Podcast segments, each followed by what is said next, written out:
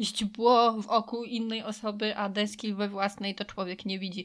Ja na przykład przez całe lata się zastanawiałam, jak można nie lubić pomidorów i zajadać się keczupem i dodawać go absolutnie do wszystkiego. A później tak sobie pomyślałam, że przecież ja nie lubię truskawek, a mój ulubiony dżem to truskawkowy. I takie są moje nauki przez tych 30 lat życia. Mam na imię Justyna, witam Was w kolejnym odcinku podcastu Warzysława, a dzisiaj pogadamy sobie o tym, czego się nauczyłam.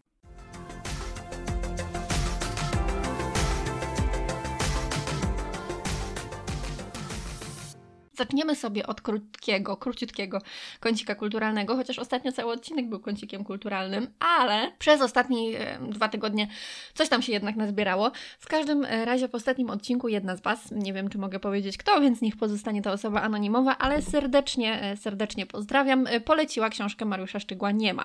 Ja w tym samym czasie, też bardzo niedługim czasie, zaczęłam sobie testować audiotekę i postanowiłam, i zobaczyłam w katalogu właśnie nie ma i stwierdziłam, że to jest ten moment, w którym ja właśnie z tą, y, z tą książką muszę się zapoznać. Lektorzy to Maciej Szturmaja Ostaszewska i momentami też właśnie Mariusz Szczygieł, więc bardzo dobrzy lektorzy i super się tej książki słuchało, dlatego nie żałuję, że nie miałam jej w papierze, chociaż y, była tak dobra, że chętnie bym ją przeczytała jeszcze raz.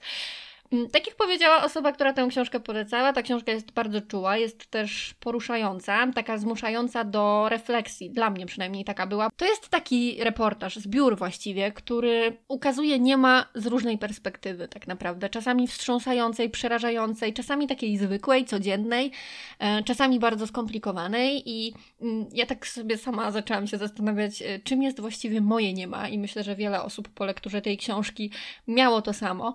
Dlatego ja bardzo bardzo, bardzo serdecznie polecam, ponieważ okazało się, że i styl pisania Mariusza Szczygła jest wyśmienity i tematy dobrane są naprawdę bardzo dobrze i emocji jest bardzo dużo, a jak wiecie, ja bardzo lubię takie emocjonalne rzeczy, które wywołują właśnie dużo odczuć. Dlatego ja bardzo polecam i jeżeli ktoś jeszcze nie ma, nie czytał, to, to warto, naprawdę warto się zapoznać. A inną rzeczą, y, którą bardzo chciałam wcześniej zobaczyć i w końcu zobaczyłam, bo pojawiła się na Netflixie, jest film y, Ciemno prawie noc i hmm, jak wiecie albo nie wiecie, bo nie pamiętam już, czy mówiłam o tym w podcaście, czy nie, e, książkę czytałam i książka była dla mnie takim 6 na 10. To znaczy dobra, ale nie zachwyciła mnie szczególnie. Tak samo było też z filmem.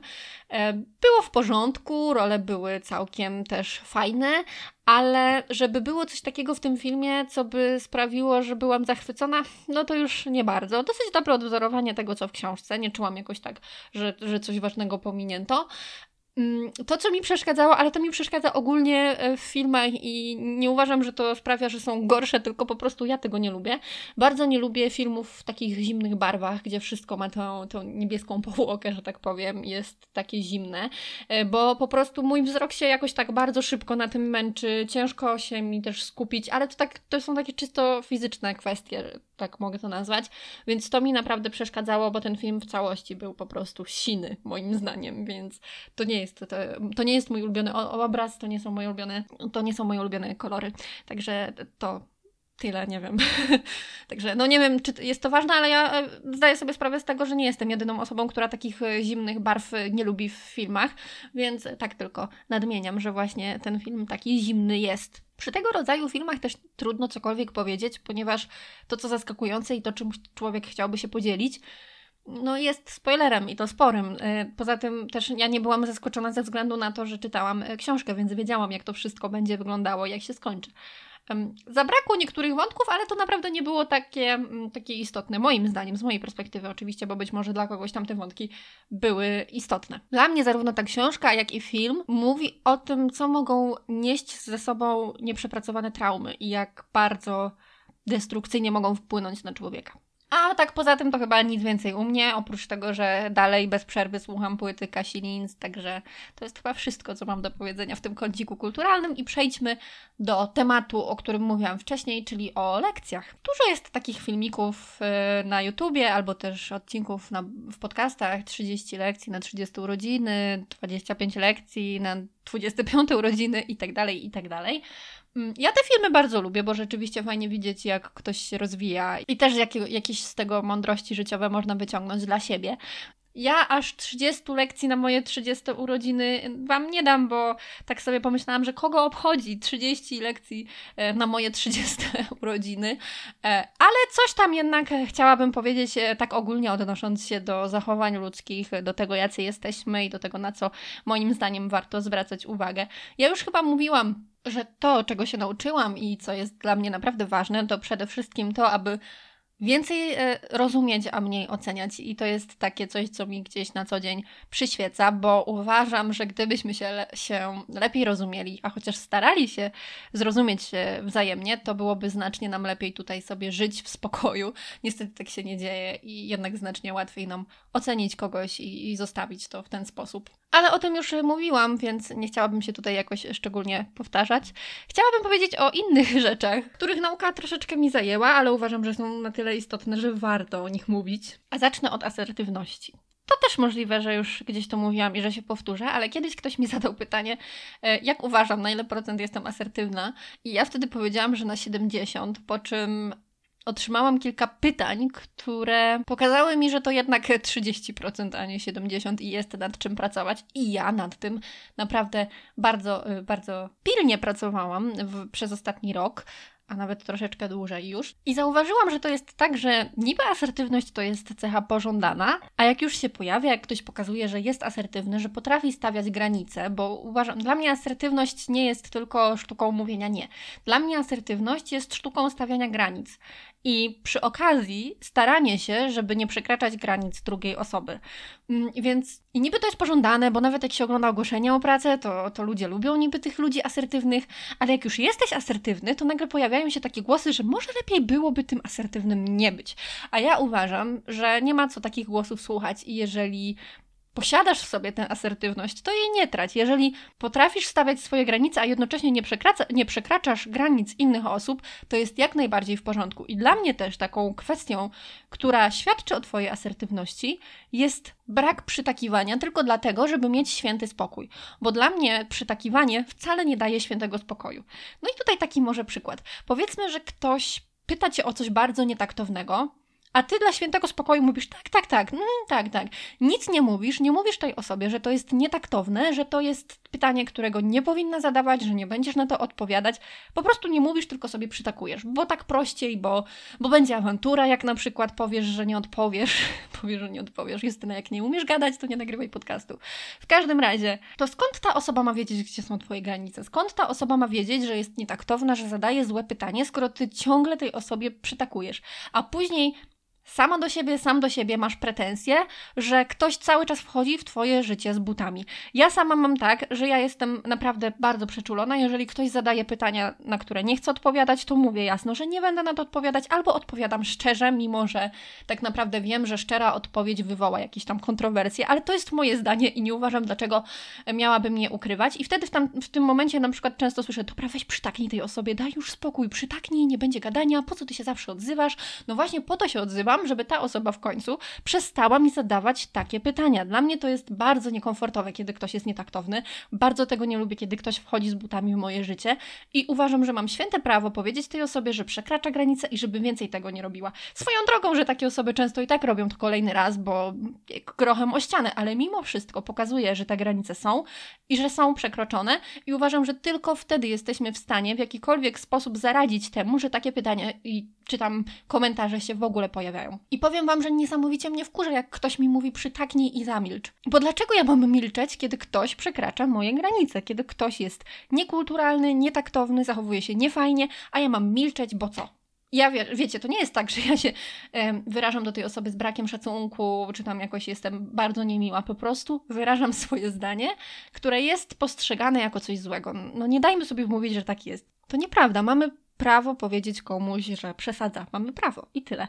I ta, taka właśnie moja lekcja na te moje 30 urodziny, które już były jakiś czas temu, żeby nie bać się wyznaczać granic i żeby mówić o tym głośno, bo skąd druga strona ma wiedzieć w ogóle, że robi coś nie tak? No często nie wie, dlatego zadaje takie właśnie dziwne, nietaktowne i niekulturalne pytania. Nigdy nie jest za późno na naukę, a przy okazji ktoś się może dowie, że przesadził i, i fajnie, prawda? Tak mi się wydaje. Dlatego ja uważam, że jeżeli jesteś asertywny, jeżeli chcesz być asertywny, to nie, tła, nie tłam się tego w sobie, nie, nie ukrywaj tego w sobie tylko dlatego, że, że jak, jak przytakniesz, to, to będzie spokój, bo tak naprawdę to tego spokoju nie będzie i tyle. Jeszcze jedna taka rzecz, której się nauczyłam, którą zauważyłam i którą nauczyłam się puszczać mimo uszu, może tak. Nie wiem, czy tak macie, ale ja jako osoba, która gdzieś tam powiedzmy, że no tutaj daję cudzysłów, jest schorowana. W każdym razie gdzieś tam jest dużo jakichś takich przypadłości, które się dzieją, jest dużo badań w moim życiu, jest dużo lekarzy, cały czas się coś dzieje, cały czas coś wychodzi nie tak.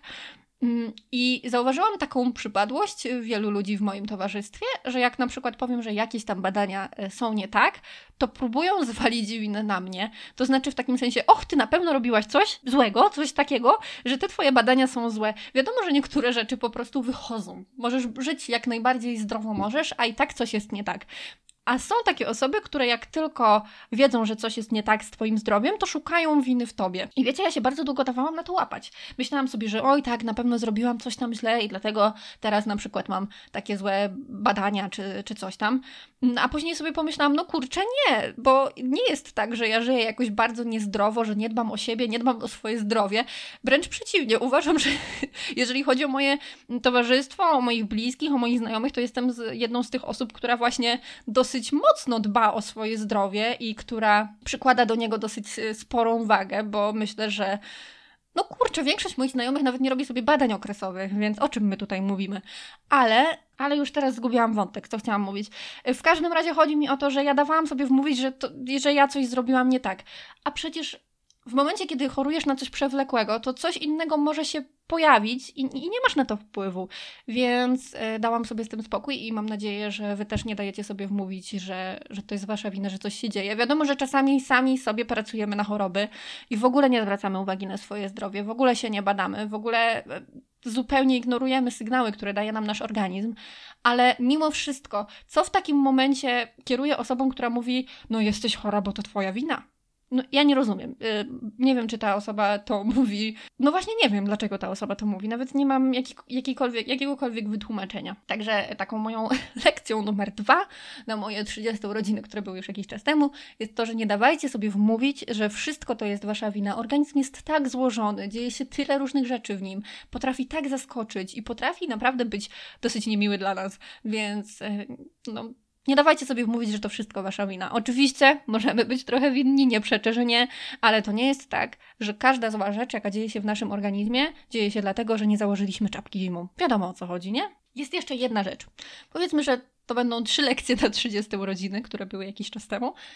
Jest jeszcze jedna rzecz, której nauczyłam się ostatnio, to znaczy przestałam być bierna w internecie ale nie wiem, czy powinnam Wam y, mówić, że to jest jakaś nauka i że, warto wziąć to pod uwagę w swoim życiu, ponieważ uważam, że to jest często strata czasu. Bo miałam często tak, że widziałam gdzieś tam na przykład pod filmami na YouTubie, czy gdzieś pod jakimiś podcastami, no gdziekolwiek, widziałam jakiś taki mocno obrażający komentarz, który nie ma nic wspólnego z twórczością, po prostu ktoś się czepia, nie ma w ogóle żadnego dobrego argumentu na to, co mówi, po prostu jest czepialski dla zasady, jeszcze do tego niemiły i tak dalej. Ja często widziałam takie komentarze, bardzo mnie to denerwowało, ale sobie mówiłam, dobra, nie czytam więcej komentarzy, yy, tam, no jakby nic z tym nie robiłam. Ostatnio mam coś takiego, że jestem w ogóle tym takim słynnym adwokatem yy, z komentarzy, bo często jest tak, że jak ktoś stanie w obronie twórcy, to jest od razu adwokatem. Natomiast ja nawet chyba nie staję tak dokładnie w obronie twórcy, a bardziej, a bardziej chodzi mi o to, że chciałabym nakierować kogoś na lepszy sposób komunikacji, komunikowania na przykład krytyki, ponieważ mam wrażenie, że ludzie myślą, że im bardziej niemili będą, tym szybciej cel osiągną, a to wcale tak nie jest, ponieważ jak wiem, nawet jak jest dobra krytyka i naprawdę jest konstruktywna, ale jest wyrażona z taką nienawiścią, złością, wyższością, to nikt jej nie weźmie pod uwagę, ponieważ jest źle skonstruowana. No taka narracja nigdy nie przyniesie nic dobrego, przyniesie tylko złość, bunt i nikt nie będzie chciał tak naprawdę brać pod uwagę tego rodzaju y, jakichś takich uwag. Więc uważam, że sposób naszej komunikacji, sposób tego, w jaki mówimy do innych ludzi jest bardzo ważny i stałam się taką adwokatką, więc jak coś mi nie pasuje, to od razu piszę. Kiedyś miałam tak, że nie, dobra, nie piszę, dobra, kogo to obchodzi i tak dalej. A teraz jak uważam, że coś jest nie tak, jak uważam, że ktoś jest naprawdę mega niemiły, w ogóle nie zwraca uwagi na czyjeś uczucia, ocenia zamiast zrozumieć, co już mówiłam wcześniej, to po prostu wtrącam swoje trzy grosze, robię za adwokatkę i bardzo mi z tym dobrze, bo jakieś takie mam poczucie, że nie jestem taka bierna, że, że nie wkurzam się tylko gdzieś w domowym zaciszu, tylko mówię, mówię jak jest, yy, oczywiście jak jest w mojej głowie. I ja się czuję z tym całkiem spoko, tylko wiecie jak jest. Zaczynają się dyskusje, zaczynają się jakieś takie. Ja zazwyczaj jak zostawię komentarz, to już nie reaguję na jakieś inne, bo tam się zaczynają jakieś takie bzdurne dyskusje. Czasami tylko się mm, w nie wdaje, ale to jest bez sensu wdawać się w internetowe dyskusje, bo to niczego dobrego nie przynosi. Ale jednak gdzieś tam pozostawiam swoje zdanie i jakieś takie mam poczucie, że że może chociaż ta osoba, która jest obrażana bez powodu, poczuje jakieś tam wsparcie, chociaż minimalne i daje mi to jakiś taki, mm, takie czystsze sumienie. Chociaż właśnie ja nie uważam do końca, że to jest dobre się wdawać w takie dyskusje, ponieważ czasami jak to się zacznie, jak musisz czytać, co tam ci ludzie wypisują, oczywiście nie musisz, no ale wiadomo, że człowiek zerka, no to nie jest zbyt przyjemne. I mm, to też pochłania dużo energii, dużo czasu też, no to znaczy to nie jest tak, że ja siedzę cały dzień i cały internet po prostu chciałabym uzdrowić, no nie, no bo to się zdarza tam, wiecie, raz na tydzień, ale mimo wszystko mm, dla mnie to jest lekcja i dla mnie to jest coś, myślę, pozytywnego, co się pojawiło w moim życiu, ale wiem, że to może być też bardzo negatywne, to jest takie bardzo ambiwalentne.